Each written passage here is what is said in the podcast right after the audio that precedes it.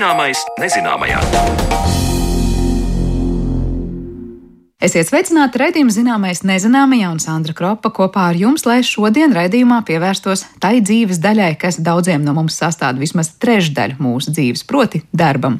Tā kā darba vidē pavadām tik daudz laika, apstākļi savā darba vietā ietekmē mūsu veselību, pašsajūtu, arī atpūtā.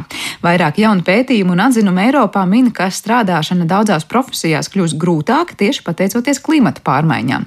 Kas notiks, kad darba vietās kļūs tik karsts, ka tajās nebūs iespējams iespējams uzturēties ikgadējos karstuma viļņos un ko zinām par infekciju slimībām, kuras izplatīsies birojos nākotnē, par to tad šodien runāsim raidījuma otrajā daļā.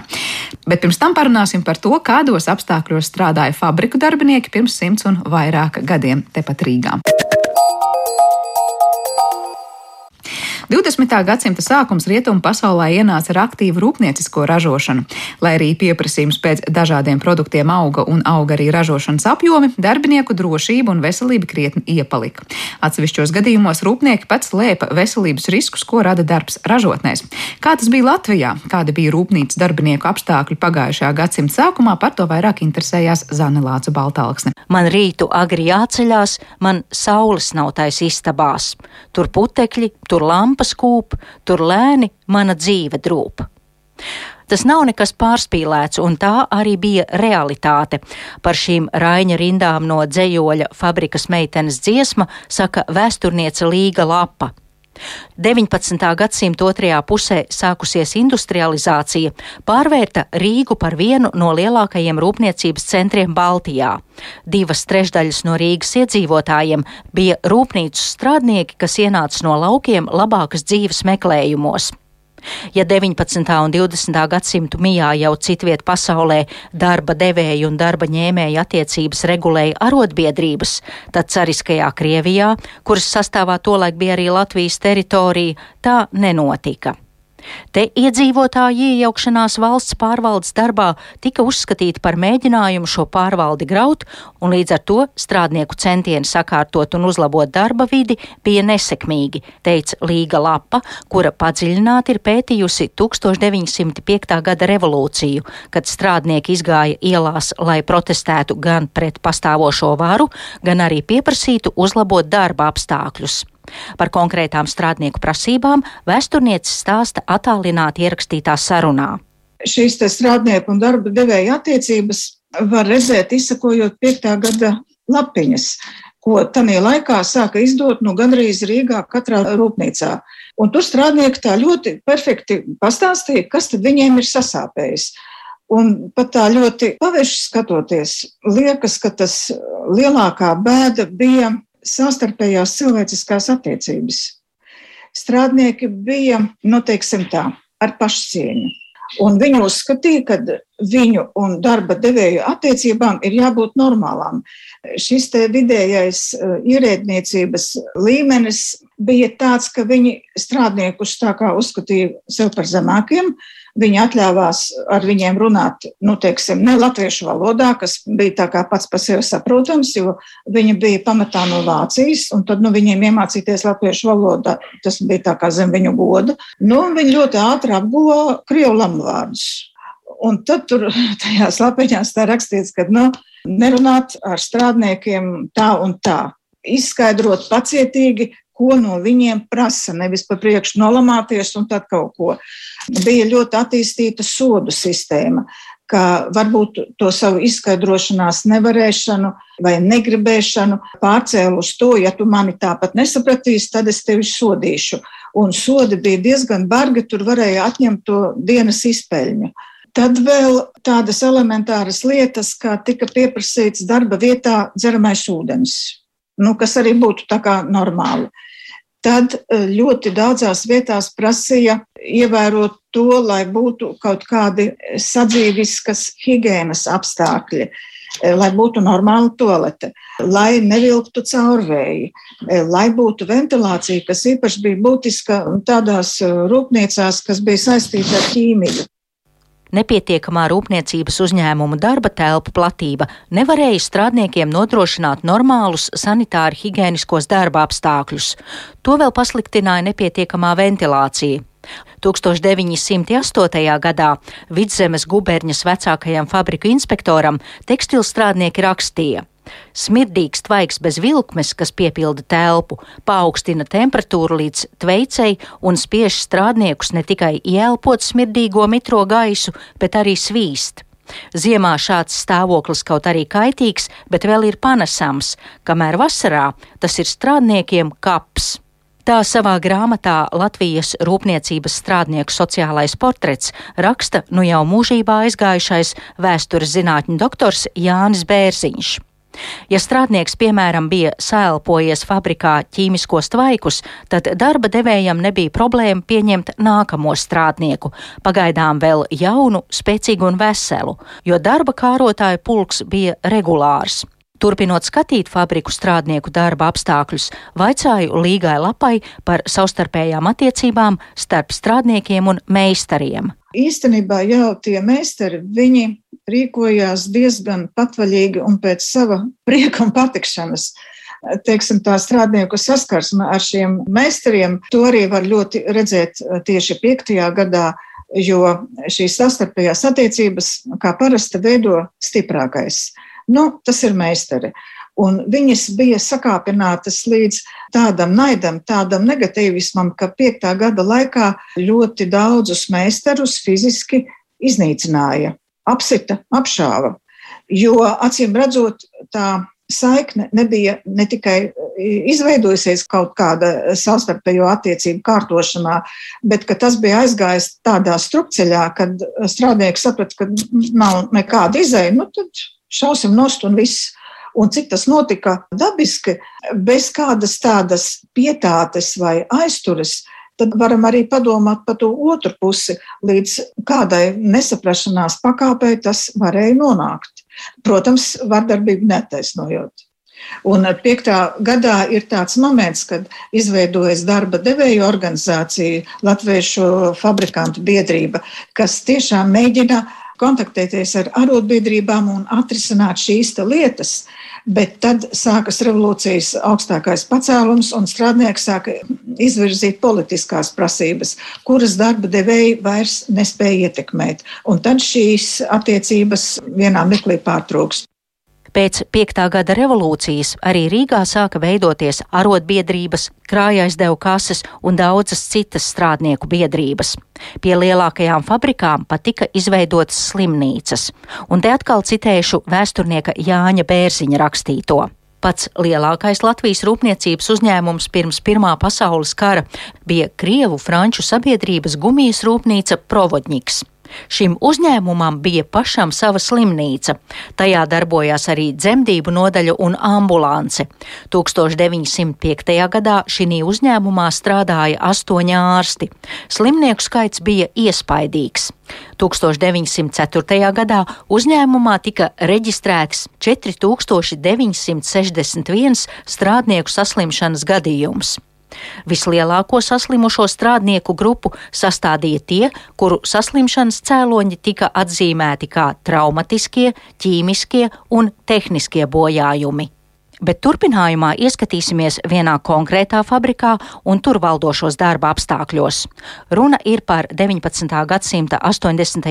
gados Ilģu ciemā dibināto Jākoba Beka stikla fabriku.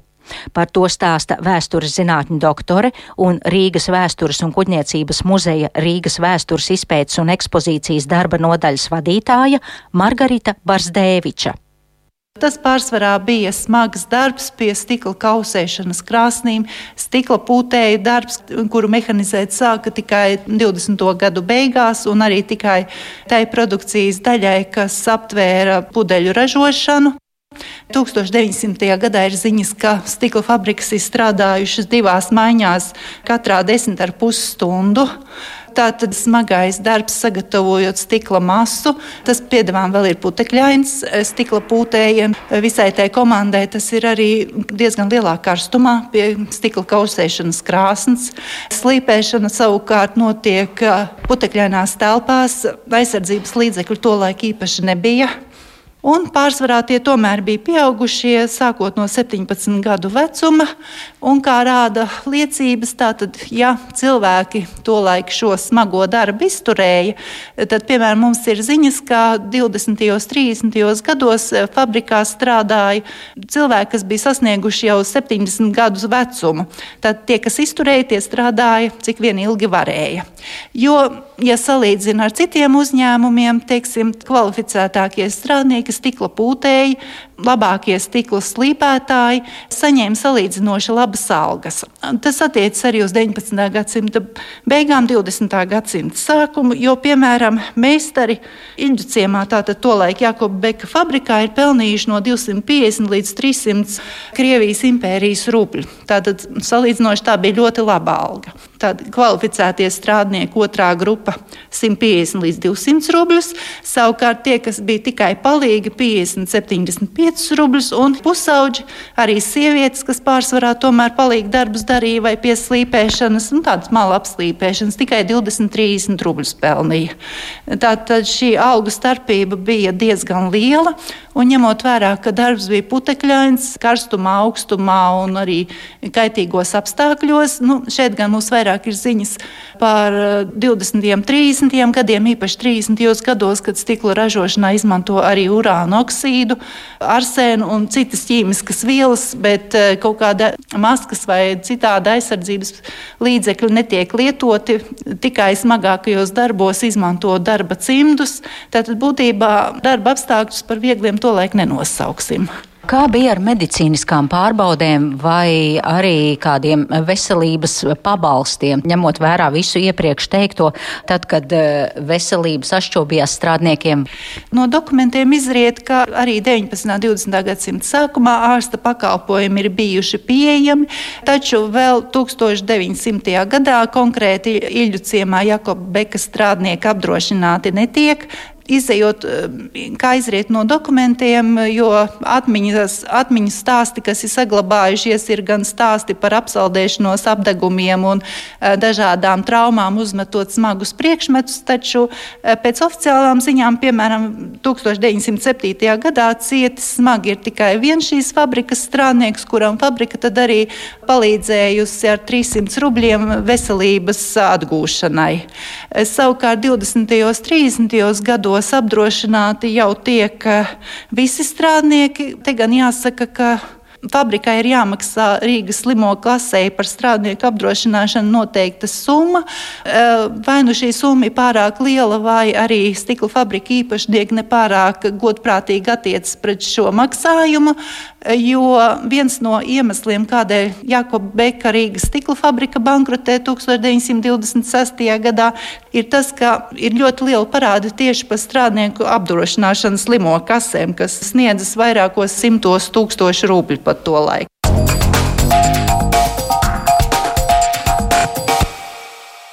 Paldies Zanē Lācē Baltāksnē par sagatavoto sižetu, bet tagad pārceļamies no vēstures uz drīzu nākotni un skaidrosim, kādi izaicinājumi sagaida mūsu darba vidē.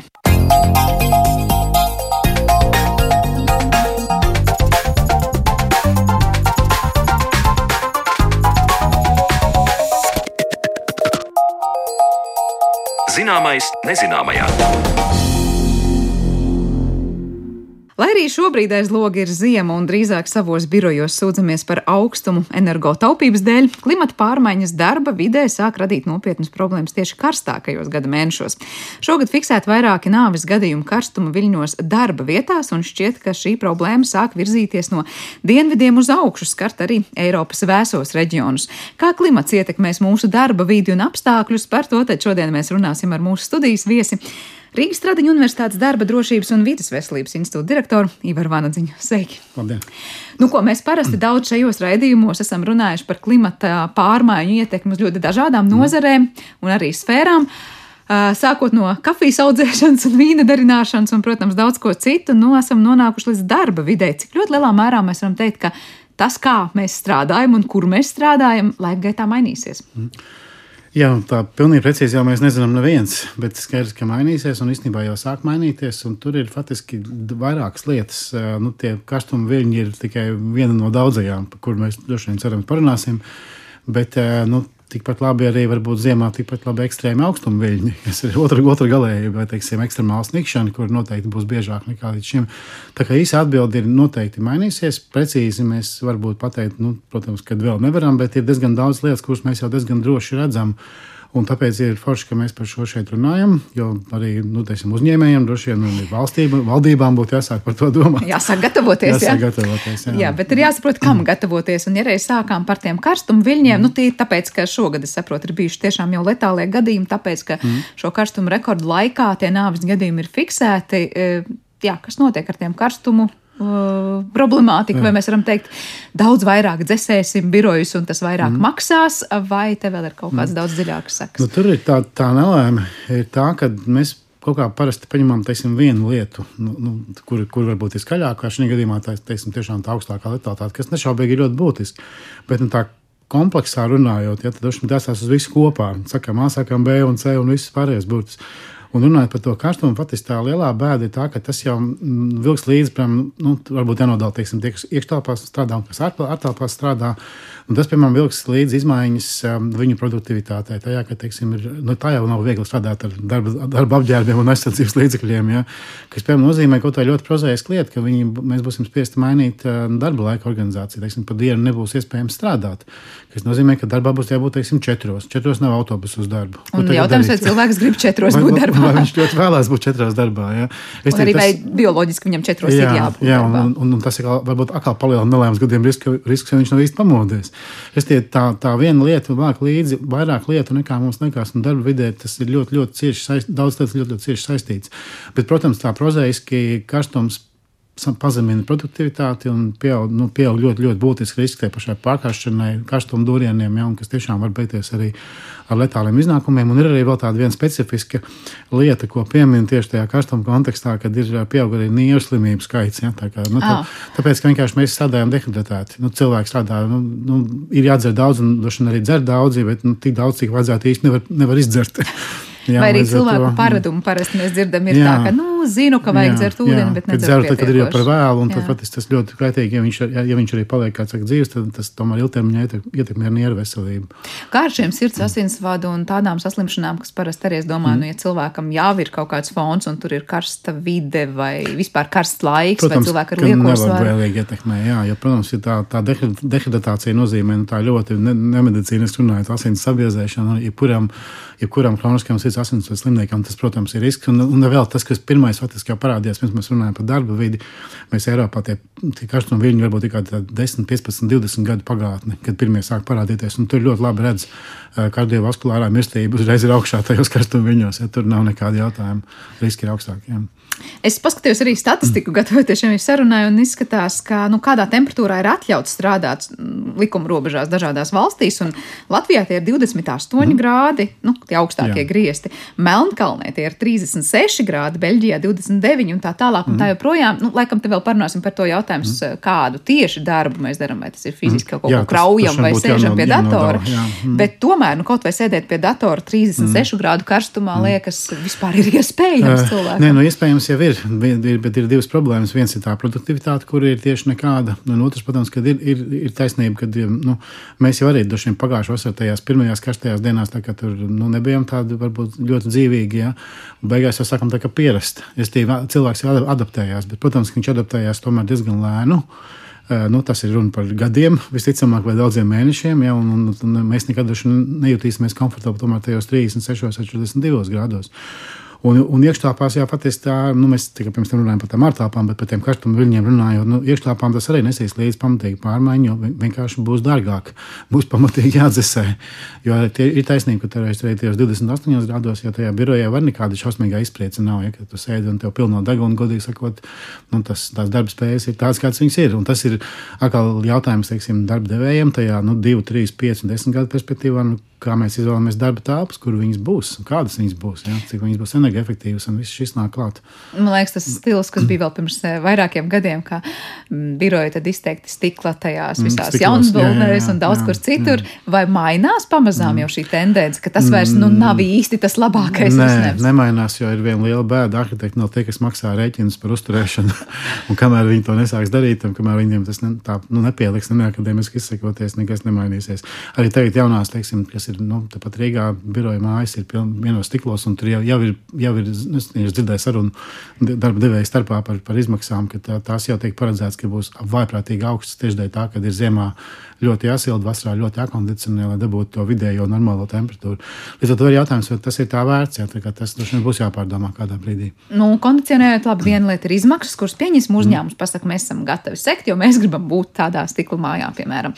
Uh, bet kas nāk līdzi tam, ka tās ne tikai izmaksas, mēs jā, parasti piesaucam jā, arī šīs legionēlas, vai tas ir aktuāli, vai tas ir aktuāli, un ne tikai attiecībā uz legionēlām, kā uz vienu piemēru, bet tas ir aktuāli vispār tas klimata pārmaiņas siltajā virzienā nozīmē arī mums Patiesi tā ir tā lieta, ko mēs jau īstenībā jūtam, ka mainās tā flora un fauna, kad ienāk sugas, kuras līdz šim nav bijušas. Tas tie ziemeļu, ziemeļu are, areāli, ziemeļu robežu, viņi, viņi pamazām virzās kaut kā savādāk. Jūs to tagad stāstat par, es nezinu, baktērijām un vīrusiem par, par, vai par, par, arī par, augiem? par, par visu īstenībā, jā. Un, jo pie tam, pie tam mums, protams, darba vidē parasti svarīgāk ir tie, tie tās baktērijas, nu, mikroorganismi, bet arī augi jau mainās. Jā, un tas, protams, arī noteiks, ka, piemēram, mainās koku sugas un būs jāmaina kaut kāda darba paraduma vai, teiksim, nu, ražošanas prakses, jā, vai teiksim, nu, tur neaug vairs neaug, vai es nezinu, kas mums tur vairs neaugs, oši vai ozoli. Nu, vienalga, jā. Bet es pieņemu arī mm. putekšņu alerģiju kontekstā. Jā, jā un putekšņiem tā sezonas kļūs garākas un būs arī jauni, kas mums līdz šim nav bijuši. Jā, kā, un pat tiem, atpakaļ pie tiem birojiem, atlasot par tām legionēlām, skaidrs, jā, un tas ir viena ļoti liela bīstamība, jo, jo mēs vairāk tās ēkas taisām tādas hermētiskas un kondicionētas un ventilētas jo pieaug arī īstenībā riski, kas ir saistīti ar ventilācijas sistēmu apkopi, ja, kurus mēs Latvijā tradicionāli nekopjam vispār, netīram nemaz. Un, ja, ja līdz šim tā nebija liela problēma, tur vienkārši temperatūras kas tā lāga neauga, tad tagad tur sāks augt ļoti labi. Un to jau faktiski labi redz, jo tā legionēla ir nu, tikai augšupejoša tendence pēdējo nu, 10, 12 gadu laikā. Latvijā? Jā, jā. Viņa, nu, protams, ka mēs varbūt vairāk viņu pamanām tajā privātajā sektorā. Rīga, piemēram, ir brīnišķīgs piemērs, kur teiksim, katru gadu kaut kādas tur uh, epidēmi, vietējās epidēmijas uznāk, jā, bet nu, kādā, kādā ēkā. Bet birojos ir tieši tas pats. Un, Varbūt mēs varam atgādināt pamatlietas, kāpēc tās legionēlas tur tik labi jūtās ir, un ko viņas nodara. Jā, viņām ir vajadzīga optimāla temperatūra. Jā, un viņām faktiski līdz šim mums, teiksim, es neatceros varbūt precīzi to grādu, bet tur pat divi, tiem, tie 1, 2, 3 grādi nozīmē, ka viņas sāk ļoti komfortabli justies, teiksim, ventilācijas vados. Visur, kur ir mitrums, kādā brīdī kondensācija, un kur ir arī gaisa plūsma, tur viņas sāk ļoti labi just, justies un ļoti labi augt. Eh, tā ietekme cilvēkam faktiski ir eh, ļoti smags, nu, tāds eh, smagu pneimonija risks. Ja, un, un mums arī ir bijuši mūsu praksē gadījumi, kad darba devēja pēc tam prasa kaut ko par gaisa kvalitāti, sāk uzdot jautājumus. Jo, teiksim, pēkšņi vasarā, jūnijā, ir, ja jūlijā vidū ir pēkšņi četri, četri plaušu karsoņi. Ja, teiksim, cilvēkiem, kas sēž tikai birojā, neko nedara. Pēc kādas četri plaušu karsoņi. Nu, viņiem droši vien to nesaist, jo neviens to uzsējuma ne, ne, neuztaisīs. Ja, nu, tas zinkārības pēc, bet visticamāk tā ir legionēla ļoti iespējams. Tad ideja tāda, ka šīs baktērijas dzīvo gaisa kondicionieros, un tajā brīdī, kad mēs to ieslēdzam, mēs jā, viņas ir smuki, jā, viņas ir smuki augušas, mēs ieslēdzam e, pilnu jaudu izpūšanu tāpā ieelpojam. Un ne jau tikai kondicionieros, bet arī ventilācijas sistēmās. Jā, jau faktiski tas pats stāsts. Un tikko mēs viņus to jaudu pagriežam lielāku, tā viņš, kas pa nakti saudzes, tas viss ir gaisā. Jā. Tas nozīmē, ka viņas atkal ir papildus jātīra, jādezinficē, jo nu, daudz no viņām nav tam būvēts. Viņš, nu, mums ļoti daudz ventilācijas sistēmas nav paredzētas tīrīšanai pēc būtības. Tas nozīmē, ka tur ir kaut kāda agresīvāka ķīmija nepieciešama, jā, vai dārgākas izmaksas, kas atkal ir kaut kāda nu, izmaiņa uz, uz slikto pusi, tā var teikt. Tas cilvēks, kurš tajā dienā būs konkrētajā telpā, kur šīs legionēlas izplatīsies, tas nozīmē, ka viņam būs kaut kādi simptomi, kas primāri Jā. liks manīt, ka ej ārā vai slēdz ārā to ļoti sistēmu. Iespējams, ka nē. Ļoti iespējams, ka nē, jo mēs jau to gaisu tā īpaši neatšķiram, vai tur tas baktērija ir vai nav, jo viņas jau faktiski ir visu laiku tur. Ja? Nu, kaut kādas šādas vai tādas. Tā nu. Katrā ziņā nebūs izteikta smarža gaisā, nē, kas liecinās nē. par to. Nu, varbūt ir kaut kādi specifiski pelējumi, kam ir smags vai smarža, tos, tos mēs varētu teoretiski just, jā, bet tādai legionēlai, protams, ka nē. Tur gaisa kā parasti, ja mēs neko mm. īpaši nejūtam. Tagad tā, arī šādas izmaiņas viņas jau faktiski jau sāk parādīties, un par, to, par tiem augiem, ne, ne augiem, bet dzīvniekiem runājot par to dzīvo pasauli. Vēl viens piemērs ir Latvijā, kurš jau notiek ir ērces jo mums ir nomainījušās tās tradicionālās ēču sugas, un tā mūsējā parastā bija tāda samērā lēna un mierīga. Un tagad ienāk, nu, es neatceros to tiešām jāatvainojas to latviešu nosaukumu, bet ienāk tāda pļavas ēce, man liekas, tā viņa latviešu sauc, ja, kur ir vienkārši daudz ašāka. Jā, līdz ar to tie, arī, nu, arī šāda veida riski visiem strādniekiem, kas ir lauksēmniecība me, me, nu, me, mežrūpniecība, visas tās nozares, kas ir ārpus telpām, kur, kur ir ļoti daudz cilvēku nodarbināti, un tiem tie riski ir ievērojami augstāki. Bet patiesībā mm. nav jāskatās tik tālu, laikam, ne tikai mežsaimniecība, lauksaimniecība, mm. cik bieži nav tā, ka cilvēks, kurš ir devies ar savu automašīnu pilsētā uz savu darba vidi, kas ir birojas, atgriežas mājās un saka, man uz pirksta ir ērts, un liekas, no kurienes mm, no pilsētvidē, laikam tās arī vides, kurās jā. nišās viņas ienāk. Jā, jo, piemēram, tas nozīmē to, ka jā, viņas izplatās labāk, un, un tas, kas ir varbūt tā liela atšķirība, ka nav vairs tāda augsta ziema, kur viņas efektīvi izsaltu. Ja, tās, tās ziemas ir bijušas tomēr, nu, ko man ņemot, viņām ļoti labvēlīgas. Nav bijuši kaut kādi ilgstoši kailsali, ja, kas ir, nu, es neesmu entomologs, tā kā man neņemos izteikties, ja, bet es tā, tā to saprotu, ka tā pašreizējā situācija daudziem no šiem mikroorganismiem un, un lieliem, un ēcēm, kas vairs nav mikroorganisms, protams, patiesībā ir ļoti labvēlīga. Ja, līdz ar to tas arī tas ir pieauguša tendence, ja, kas nozīmē, ka darbdevējiem nu, būtu vairāk jādomā par vakcināciju pret ēčēnsfelīti. Bet, piemēram, laimes slimībai vakcīna joprojām nav, ja, kas ir ļoti postoša un kaitīga. Un, un savukārt ar laimes slimību šie slimo daudz biežāk nekā reizes. Jā, jā, jā, tieši tā. tā arī, arī šāda veida izmaiņas viņas faktiski jau, jau sāk, jau, jau iestājās. Ja, mēs viņus varbūt tā tikai pamanām, jo nu, tā lēnā garā, jo tas notiek visu laiku fonā paralēli. Ja mēs tā pa desmit gadiem palūkotos, nogriežamies, tad mēs, protams, to redzētu stipri, stipri vairāk. Ja. Bet nu, šis ir tas karstums, ir tikai tāda viena lieta. Ja. Tur jau nāk arī vēl citas lietas līdzi. Un, nu, piemēram, bez karstuma, ja mēs par to jā, sezonas jā, karsto daļu runājam. Tad, nu, varbūt tā daļa, kas vēl ir drusku ar karstumu saistīta, ir gaisa kvalitāte. Un, un te ir faktiski divas lietas, nu, vairākas lietas, un viena no tām, protams, ka nešaubīgi pieaugs arī Latvijā pieaugs meža ugunsgrēku skaits, kas nozīmē, ka tas pirmkārt ir masīvs gaisa piesārņojums viens, bet ir, ir um, milzīgi ietekmi uz tiem, kas viņus dzēš jo tādu cilvēku būs daudz, daudz vairāk nepieciešami. Tas, protams, es varu tikai atgādināt un apliecināt, ka tas ir ļoti augsta riska darbs. Ja tā nav nekāda pastāvīga pa mežu, bet tas ir ārkārtīgi smags, fiziski grūts un, un ļoti, ļoti, ļoti bīstams darbs. Un tādu cilvēku, kas likvidē šos te, nu, gan ugunsgrēkus kā tādus, dzēšot, gan sekas pēc tam, to būs vairāk. Un, protams, ka viss, kas deg, ir, ir izmeši gaisā. Un pēc tam ir izdegusi zeme, kur viss putekļi ja ir karsts, tad viss ir par vēju, attiecīgi arī, protams, apkārtējā vidē. Un vēl viena vēl vien bēda ar šo te, nu, nevis ar mežugunsgrēkiem, bet tieši ar temperatūru saistībā ir tā, ka faktiski arī vairāk būs to fotoķīmisko smogu. Restīvi, tas karstums veicina nu, dažādu veidu arī tās ķīmiskās pārmaiņas gaisā, jā, un viena lieta ir, ka ir vairāk tā saucamā piezemes ozona. Nu, īpaši jau pilsētās, protams, jā, un piezemes ozons ir nu, ļoti bīstams kā katalizators tam, ko mēs saucam par to fotoķīmisko smogu attīstību, ja, kad tur reizē tiešām tādas garas sarežģītas vielu, vielu ķēdes, ja, un viņas, viņas faktiski beidzās tiešām ar ļoti bīstamām, kaitīgām ķīmiskām vielām, piesārņojumu, nu, vidas piesārņojumu, kuru mēs elpojam, un noteikti būs vairāk šo plaušu slimību. Tā, tas ir tā arī tāda reāla tendence, kas jau, jau faktiski jau parādās. Jau.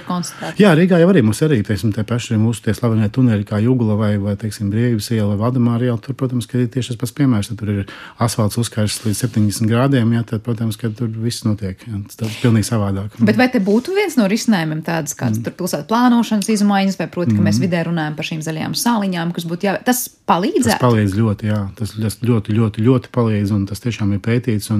Mēs arī paši esam mēģinājuši ar skandināviem kopā tos eh, nu, zaļo pilsētu mm, jautājumus vairāk pētīt un projektus pieteikt. Nu, protams, ka tur ar dažādiem panākumiem, bet vispār tā zaļo salu princips un, un tas, tas ir ārkārtīgi būtiski. Jā. Rīga nav sliktākais piemērs, bet Rīga nav arī labākais piemērs. Jā, tā kā ļoti daudz, kur varētu darīt, droši vien savādāk. Mm. Kāda ir tā atšķirība? Nu, piemēram, ja mums šobrīd tas asfalts uzkarst mm. uz 70 grādiem, ja tur ir, piemēram, šīs zaļās saliņas koki ielas mm. malā vai tur, zinu, kādas kvēriņi, cik ļoti tā temperatūra samazinās? Um, nu, es droši vien precīzi nepateikšu, bet mēs, man ir atmiņā, ka mums bija projekts, kurā piedalījās Toms Brits, un mēs tieši tās karstuma salas tur mērījām, jo to, jo to temperatūru tur no kosmosa tie NASA satelīti fiksē visu laiku. Un tur varēja ļoti labi redzēt, un manuprāt, tās atšķirības bija tiešām desmitos grādu. Jā, tā ir milzīga starpība. Jo, nu, atceramies, tas asfalts ir līdz 60 grādiem vai 70 uzkārs, viņš jau arī panākt īpaši nespēja atzist. Jo, ja, ja ir teiksim, tropiskā nakts un 20 grādi ir gaisā, tad viņš īpaši neatdziest. Un tad, tad ir vēl tā nākamā lieta, ka jebkura ķīmiskā viela ir, nu, ķīmiskā viela ir šis radītais gaistamība. Ja, tad cik viņi labi iztvaiko, un jo augstāka temperatūra, jo viņas labāk iztvaiko. Tas nozīmē, ka jebkas, kas ir arī faktiski jebkura ķīmiskā viela, tā skaitā tas pats bitumens, kas ir asfaltā un daudz kas cits, viņš faktiski arī ļoti, ļoti labi, nu, ievērojami labāk iztvaiko. Tā skaitā no mēbelēm, no materiāliem, no jebkā īstenībā. Ja? Tā, tā arī ir gaisa kvalitātei vēl viena tāda nagla klāta ja, tajā, tajā problēmu lokā. Kas faktiski arī nu, paliks tikai sliktāk un sliktāk, ja mēs tiešām mērķiecīgi nesāksim mainīt veidu, kā, kā mēs teiksim, tās pašas pilsētas plānojam. Nu, labi, tie, kas vienkārši iet uz darbu vai, vai, vai kā citādi pilsētā pārvietojas, protams, ja mēs izmainām pilsētu, mēs daudz palīdzēsim šiem mm. cilvēkiem. Es iedomājos par tiem darba darītājiem, kas uh, klāja asfaltu. Es domāju, nu, viņi vienalga klāstu asfaltu vasarās, kad it kā nav ne lietus, ne sniegs, nekas nu, cits. Kā viņi varēs darīt šo darbu? Viņi droši vien klās vasarās, bet klās droši vien līdz kādiem 11 no rīta. Un pēc tam vienkārši varbūt vēl sasāks vēlā vakarā. Jo tur jau ir nākamā problēma, ka viņi jau faktiski ir ļoti karsts. Viņi jau arī viņu nu, īsti kvalitatīvi vairs nespēja uzlikt. Viņš ir pa karstu visu laiku. Viņu nevar nu, faktiski noblētēt, izlīdzināt, un viņš ne, nespēja lāgas atsietēt pareizajā brīdī. Tā kā es domāju, ka tajā, tā, šo te darbinieku ikdienu ļoti mainīsies. Ja? Kā, vai tas ir uz labu vai sliktu, to mēs droši vien redzēsim, bet viņi nešaubīgi mainīsies. Jā, un es domāju, arī vispārēji, kas sapratīs, mm. ja tagad uh, asfaltu klājot varēja strādāt mm. visu dienu, un varbūt pēc dažām dienām iela ir gatava, mm. tad, ja to varēs darīt jā, līdz 11. rītā, jā, tas viss aizņems daudz. Jārēķinās, ka tas radīs nērtības visiem, jā, un, protams, arī mm, izmaksu tikai duši pieaugumu. Jā. Mm. jā, tas ir par to vasaru runājot. Uh, es domāju, par ziemu arī stāstot un klimatu izmaiņām. Jau tas sarunas sākumā pateicām par to, ka jā, tikpat labi varbūt pārlieku mm. augstas telpas vai energo neefektīvas telpas ir tas, ar ko mēs saskarsimies arvien vairāk. Nu, te kāds varbūt teikt, nu tad beidzot pienāca mm. laiks eh, efektīvi varbūt panākt, ka tās telpas tiek um, siltinātas vai kā citādi atbilstoši izveidotas. Kā tur ar risinājumiem un tiem riskiem? No tām telpām, protams, tas ir nu, nu, nu, nešaubīgi jā, un tur es domāju, ka mums ir ļoti tāls ceļš ejams, jo mums ir tas mūsu dzīvojamais un darba telpu fonds, nu viņš tiešām nav īpaši labs. Uh, Un skaidrs, ka, teiksim, kamēr tās viss bija lēti, mēs varējām tur gan padzesēt, gan pasildīt uh, bez īpašām izmaksām. Tas bija viens stāsts, un tagad, protams, ir savādāk. Un tas, uz ko droši vien ir jāgatavojas, ir tas, ka tiešām būs tie ekstrēmi vairāk. Ja? Tad es nu, domāju, ka Latvijas gadījumā tas visticamāk nozīmē, ka mums tiešām varētu būt mēnesis ar plus 40 uh, un ziemā tikpat labi mīnus 28. Tas nozīmē, ka tām telpām ir jāspēj nu, gan, gan nodrošināt gan to siltumu, gan to augstumu. Un tas droši vien nemaz nemaz nav tik vienkārši. Un ir vēl otra problēma, protams, tā, ka kas visticamāk notiks. Labi, vētras ir tā vēl viena atsevišķa kategorija, nu, teiksim, biežāk vētras un stiprāks un postošāks, kas nozīmē, ka vairāk to glābšanas darbos iesaistīto elektrības pārāvumu un tādu problēmu. Bet droši vien, kad mūsu, mūsu konkrētajā situācijā varētu būt arī zinām problēma tie, nu, tie sacījumi ezera vai jūras efekti un sniega vētras. Tas ir ļoti, ļoti spēcīgs nikšana. Un tad ir nākamais jautājums, vai viss sēks tam ir gatavs nu, tīri tās nu, izturības un, un stiprības. Jā, jo nu, mums, ir, mums ir slavenā kolka, jā, kolkas sniega vētra, kur bija nu, 1,20 m vai 1,40 m uzsnīgi pa vienu nakti vai pa, vai pa divām naktīm. Jā. Un tādi notikumi droši vien būs vairāk, jo ir, ja ir jūra uzsilusi ja lielie ezeri ir uzsiluši ja, ir augsta gaisa masa, tad faktiski neizbēgami ir ļoti, ļoti spēcīga snikšana. Kā, kas atkal nozīmē, ka tas ir glābšanas dienestiem milzīgi, milzīgs trieciens, kas nozīmē to, ka tas ir nu, tikpat labi kaut kāda ierobežot pirmās palīdzības pieejamība un daudz citu tādu ļoti praktisku, prozēisku lietu, kuras mainīsies. Ja. Kad atkal mums ir jātur tam resursi, nu, tas nozīmē, ka mums ir jātur tie sniegšķūrējumi, jātur tie cilvēki, kas to dara, ja, kas atkal ir izmaksas un, protams, kādam tas viss ir jādara. Tas būs visticamāk. Vai mēs vairāk kopumā runājam, virzāmies uz to, ka tās klimata pārmaiņas dažādās darba vidēs vairāk prasīs, nu tad izmaksas bieži piesauktās. Mm.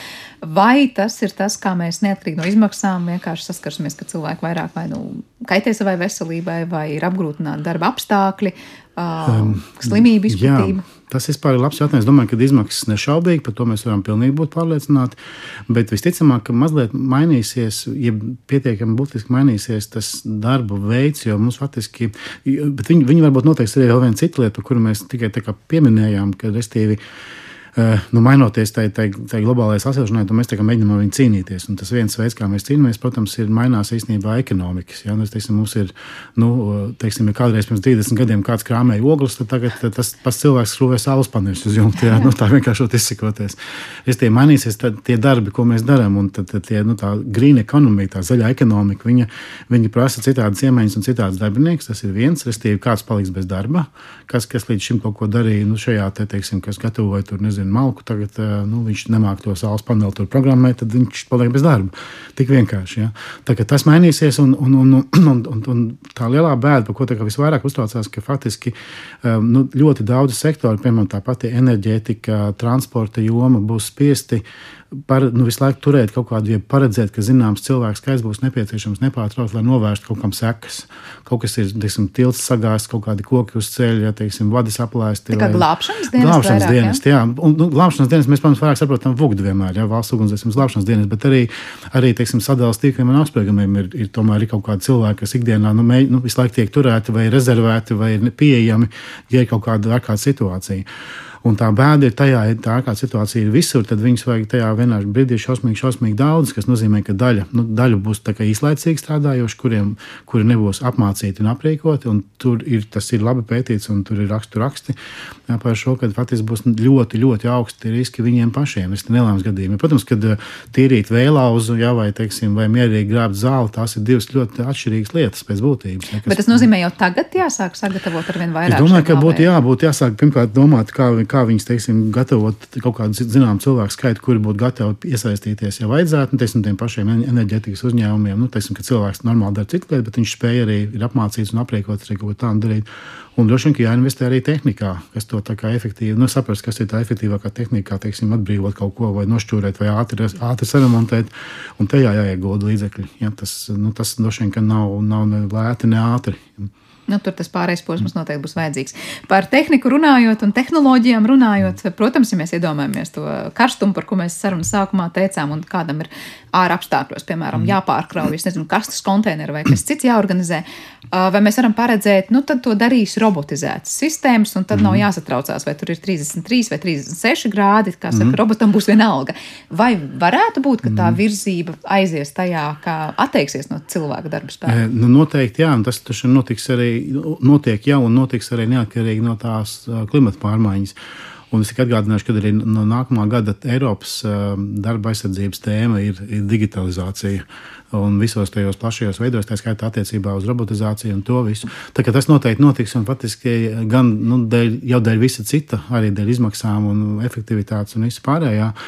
Bet arī, arī protams, kad, domāju, ka daļai arī dēļ klimata, jo būs kaut kāda darba, kur tiešām vienkārši cilvēks vairs īsti nespēs veikt. Ja? Nu, piemēram, kaut kā bija tas ekstrēmākais piemērs, kas pašlaik ir zināms, ir šķiet viena Irānas osta, bija laikam pagājušā gada, aizpagājušā gada bija tajā karstuma vilnī, tas saucamais karstuma indeks, kur skaita kopā temperatūru un mitrumu.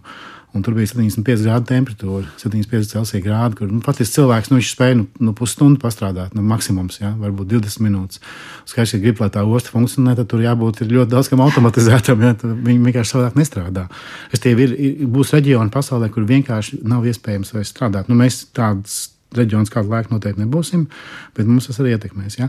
Bet varbūt vēl šeit piebilstot tikai, nu, mēs runājam par tiem, kondicionieriem un birojiem, bet tā, tā nu, varbūt ir svarīgi saprast, ka ir jau bišķiņa cita bēda, kad mēs esam pieraduši, ka mēs kondicionējam tikai tos biroja darbiniekus, ja? bet, piemēram, noliktava kura uzkarsīs, kas nozīmē, piemēram, ka temperatūras režīmu tām precēm, kas tiek glabāti, nu, vai dēļ tiem, tiem būs, vai dēļ viņiem, viņu dēļ būs jākondicionē, lai būtu, teiksim, iespēja glabāt kaut ko ilgstošu un pareizi, un arī tiem, kas tur strādā. Ok, nokļūs mēs varam robotizēt, ja, protams, vēl tie. Bet produkti ies bojā. Piemēram, Bet produkti, piemēram, varētu iet bojā. Līdz ar to tas nozīmē, ka mums, teiksim, mēs glabājam istabas temperatūrā, istabas temperatūra ir tie nu, 20, nu, 1, 2, 3, nu, nu 4 varbūt. Ja, ja nokļūs 32 grādi, teiksim, nedēļu vai divas, tad mums ir milzīgi zaudējumi un milzīgi riski. Tad mēs būsim spiesti viņu dzēsēt tāpatās, kas atkal ir milzīgi traka izmaksa. Kas nāks klāt visticamāk pie to produktu cenas? Pie produktu cenas nešaubīgi, jā, citur jau viņi nekur īpaši nevar nākt klāt. Jā, tā kā arī šāda veida izmaiņas mums faktiski sagaida arī, arī mūsu platuma grādos. Es te sarunu sākumā, kad pieminēju tos uh, grādus, pie kuriem ir tie griezti pieļaujamie likumdošanā noteikti ir atļauts strādāt, vai ir kaut kāds komentārs par to, cik ļoti atšķirs tas, vai tas būs nu, tas pie galda sēdošais, mm. salīdzinoši mierīgais darbs, fiziski mierīgais, vai tā būs eh, fiziski grūta kaut kāda, nezinu, tiešām cilāšana, nešana un vēl kaut kas. Mm. -hmm. Cik ļoti atšķiras tās normas vispār, un vai viņas, tās ir paredzētas? Ne, viņas jau tagad atšķirās par 4, 5, 6 grādiem, jā, tā kā abos virzienos. Tā kā viņas, atš, viņas jau atšķirās. Es pieņemu, ka kaut kādā brīdī mums iespējams būs, mums nāksies arī viņas pārskatīt. Tas nebūtu nemaz ļoti pārsteigts, kas, protams, būs ļoti smaga saruna droši vien, jo īpaši jau darba devēji nu, par tos uh, karstumu uztraucās, jo tie 28 grādi arī jau ir faktiski jau, nu, ir jau gara, dis, gara diskusija, vai to vispār var nodrošināt un cik tas maksā. Tā kā iespējams, ka tur tās robežas tiks paplašinātas paplašināts, bet um, cilvēkam faktiski tā nav laba ziņa, jo tas nozīmē, ka mums tas diapazons, kurā mums prasīs un sagaidīs, ka mēs jūtamies labi, viņš, nu, tajā, viņš pašlaik ir 18 līdz 28, tad viņš iespējams būs 16 līdz 32. Ja, kas, protams, cilvēku ķermenim nu, nav nekādas vieglā lieta, un tas ir tomēr liels izaicinājums varbūt ne jauniem un stipriem, bet jebkuram, kuram ir kāda kroniska kaita, tā noteikti būs potenciāli liela problēma. Tā, es domāju, ka saglabāsies, ir, ir liela starpība starp fizisku un nefizisku darbu. Ja? Viņi noteikti saglabāsies, bet visticamāk būs jāpārskata tās, tās maksimālās robežas. Kurās tas mm. vienkārši tiks pieļauts? Un, jā, kas būs pieļauts? Mēs varam šobrīd teikt, nu, lielākoties uz tām, es nezinu, dažādām profesijām un arodiem skatoties, kas būs tie lielākie nu, cietēji, sauksim to varbūt mm. tā, vai tie darbinieki, kas strādā mm, atklātā āras vidē, mm. vai tie ir tie, kas tiešām dodas uz mežiem, pļavām un vēl kaut kur mm. citur, uh, vai tie paši biroja darbinieki mm. tā kā nu vairāk pasargāti? Nē, nu, lielākā cietēji faktiski ir zināmi, jā, un, un, un tas, ko es, nu, mēs tagad sākam, sākumā runājam par to, ka kaut ko mēs zinām, kaut ko mēs nezinām, tad tas, ko mēs zinām, diezgan labi ir tās jomas, kurās būs visgrūtāk. Un tur jau nav nekāda tā liela pārsteiguma, tā nešaubīgi ir lauksaimniecība Pilnīgi noteikti, jo tur faktiski arī būs brīži, kad nav īsti iespējams ārā strādāt. Tā noteikti ir mežķērniecības, tie visi meži strādā. Mēs par Latviju runājam. Par Latviju, jā. Mm -hmm. jā, jā, arī par Latviju, bet arī, protams, globāli, bet par jā. Latviju arī konkrēti, jā. Un tad nešaubīgi trešā droši vien pamatnozara, kas visvairāk, nu, tā, tā, nu, tā kopumā iekļaujot viņā daudz dažādas lietas, būs enerģētika. Ja, Tātad viss, kas ir saistīts ar sak sakaru nodrošināšanu, tāpēc, ka būs šie glābšanas darbi ļoti daudz. Tātad enerģijas ražošana, pārvade, telekomunikācijas, visas šīs lietas noteikti. Ja, jo tur mēs arī tajā turnī kāpjam, kad ir teiksim, ekstrēms vējš vai ļoti karsts, arī nav nekāda liela izpriece. Ja, kā, un savukārt tur teiksim, ja būs nu, meža ugunsgrēki un, un, un, un, un plūdi un, un, un vētras, tad, protams, ka tur to bojājumu būs daudz vairāk nekā līdz šim ir bijis. Un savukārt par tiem mm. diennakts ritmiem, kuros mēs citādi iespējams daudz kur strādāsim, mm. jau arī laikam būtu arodas slimība pēc tam speciālistiem mm. daudz ko teikt, jo, nu, ja tagad būtu norma visiem sākt strādāt četros no rīta, laikam tad mm, nebūtu, daudz teiktu, mm. ka nu, tas atstās mm. uh, ietekmi uz veselību, jo šobrīd, mm. saka, ja jums ir naktsmāņu darbs vai kaut mm. kāds cits režīms, tas atstāja. Atstāja, jā, un īstenībā tas, par ko arī vajadzētu atcerēties, ka tā lielā bēda ir vēl arī tajā, ka tas cilvēks tajos četros ir pamodināts, viņš ir pastrādājis līdz 11. Tad jautājums, kur viņš dodas pēc tam? Ja viņš dodas uz karstu dzīvokli Limantā vai Purcēmā, kur ir tajā brīdī 34 grādi, tad runāt par kaut kādu pilnvērtīgu atpūtu laikam arī nebūs viegli. Jā, un, nu, nu, tur bet, mums ir ļoti maz kondicionieru. Tieši tā, bet laikam mm. jau arī šī iepriekšējā vasara un mm. vēl iepriekšējā vasara mm. aizvien vairāk aktualizē šo jautājumu, mm. vai gaisa kondicionieris dzīvokļos mm. šobrīd nav nevis papildus luksus bet, ekstra, bet nepieciešamība līdzīgi kā radiators ziemā. Jā, nu, kas nes līdzi visas, protams, pārējās problēmas ar izmaksām, apkopēm un, vispārējo. Tieši tā. tā, tā kā, Noslēdzot šo sarunu, es saprotu, ik pa laikam tiek piesaukts pētījumi, un kas tiek skatīts, kas Latvijā tiek pētīts tieši attiecībā par klimata izmaiņām uz Jā. darba vidi, vai tas ir vairāk mm. tie sektori, kurus skars mm. konkrētās veselības problēmas, kādas mm. varētu parādīties, vai vēl kaut kas cits. Nu, mēs esam tādos, jā, jāatzīst ar tādu zināmu apkaunojumu, kad esam tādos bērnu autiņos, un, un ir tā, ka mūsu, mūsu apņemšanās ir faktiski skaļāk par to sākt runāt, un arī nākamajā gadā mēs esam daži tādas, nu, tie ir eksperti, darba aizsardzības speciālistu vidū vispār sākt apzināt, kurā virzienā skatīties. Un, un drusku mēs varam arī kaut kādus secinājumus izdarīt no pētījuma darba apstākļu un riska Latvijā, kas tikko kā, nu, beidzot sāk, nu, ir rezultāti, lauka darbi pabeigti, rezultāts apkopojam, drīz būs ziņojums. Jā, tā, tur mēs drusku kaut ko redzēsim, nu, tie ir dati par pagājušo, šo, šo un pagājušo gadu, kas ir noteikti Latvijā. Tur arī arī temperatūras, nu, mērījumi, mikroklimata mērījumi, plus cilvēku secinājumi, darbdevēja domas. Tā kā tur mēs drusku kaut ko redzēsim, bet nu, būtībā mēs tā nopietni nesam pievērsušies, iz, izņemot šo darbu apstākļu risku Latvijā. Bet mūsu apņemšanās, mūsu plāns 2026. gadā ir rosināt un vispār sākt arī ar speciālistiem kaut kādu apmācību sēriju, diskusiju sēriju par to, kas notiek, kā gatavoties, ko paredzēt, eh, nu, kurā virzienā vispār sākt lūkoties. Lai, nu, teiksim, nu, jo tas varbūt arī notiek tā pakāpeniski un paralēli, līdz ar to mēs domājam, ka tādā 5, 10 gadu perspektīvā nu, daudz no šīm lietām, par kurām mēs tikko runājam, ka viņas būs tādas daudz reālākas un taustāmākas. Jā, un un tad laikam, uzņēmumiem būs jābūt gataviem. Jo taustāmākas mm. un reālākas tas ir, jo kaut kā dzirdīgāks ausis. Jā, tad pēkšņi arī parādās kustības kaut kādas. Bet kas ir tie, kas vairāk būtu šobrīd jāuzrunā, vai kuriem būtu tas pirmais solis jāspēr tajā, lai sāktos mm. pārmaiņas? Tie ir darba devēji, vai tie ir dažādi speciālisti, mediķi, mm. kas varbūt pat nu, cels trauksmi, kas Jā. tad varētu notikt? Es domāju, ka nu, tas mūsu tā vīzija, ka, ko mēs esam sākuši darīt kopā ar dažiem, dažiem no partneriem, ilgspējas attīstības indeks, institūtu. Uh, nu, faktiski, pirmkārt, runāt ar darba devējiem, arī ar, tiksim, ar dabas fondu pārstāvjiem un citiem speciālistiem, vienkārši informēt par to, kas notiks un kā, kur mēs virzamies. Tā ir viena lieta, un otra lieta tad faktiski ir runāt ar darba aizsardzības speciālistiem uzņēmumos, jo tad viņi arī, teiksim, riskus vērtējot vai gatavojot kaut kādu pasākumu plānus vai, vai kaut ko pērkot vai plānojot ēkas vai, vai darba procesus, viņam, viņam šis jābūt jāsāk ņemt vērā. Un es, zinu, ka celtniecībā to jau, vai ceļu būvē to jau tagad. Tā jau tagad ir reāla lieta, ka tomēr jāparedz, ka varbūt pa karstu kādā brīdī. Gan tehnoloģiski, ka mēs nevaram kaut ko būvēt, vai pa karstu, jā, gan arī tas, ka cilvēks neiztur. Jā, tā kā tur jau kaut kādas jau īstenībā lietas jau sāk notikt. Jā, tad iespējams nākotnē būs nevis vienkārši ugunsdrošības dažādas mācības un instrukcijas mm, darbiniekiem, jā, bet arī tas, kā, kā jārīkojas un kad jāpievērš mm. uzmanība, kad, nezinu, ir jāceļ trauksme par to, ka man vairs nav labi konkrētajā telpā. Jā, un, un kaut vai elementāri, piemēram, kā rīkoties, ja ir karstumdūriens vai kā nepieļaut karstumdūrienu, arī tādā līmenī tas no, nozīmē, ka arī par to ir jārunā ar darbiniekiem, kāpēc ir, tas ūdens ir jādzer, kāpēc ir jādzesējās pa brīžam, un kāpēc ir tas un kādi ir pirmie simptomi gal galā. Ne, ne visi mēs viņus lieliski zinām. Ne. Jā, nu izskatās no vienas puses, ka grūti laiki priekšā, bet, nu, laikam laikus sākot gatavoties un apzinoties mm. arī šīs lietas, eh, nu, jo ātrāk sāksim, jo labāk sagatavosimies, un jo varbūt mazāk arī tad, tad cietīsim gan fiziski, gan arī finansiāli, mm. droši vien, jo parasti, jo, jo lēnāk iekāpt tajā vilcienā, jo dārgāk par to maksā. Uh, jā, nu, tā laba plānošana parasti palīdz daļu problēmu mazināt, jā, tā kā par to mēs arī domājam pašlaik. Nu, tad 23. gadā, kas teju jau drīz sāksies, mēs laikam varam teikt, ka dzirdēsim par šīm tēmām arvien vairāk un skaļāk un cerams dažādos sektoros.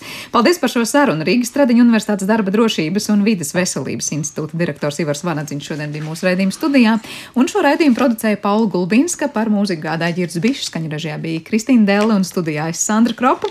Mēs tiekamies jau pavisam drīz. Visu labu!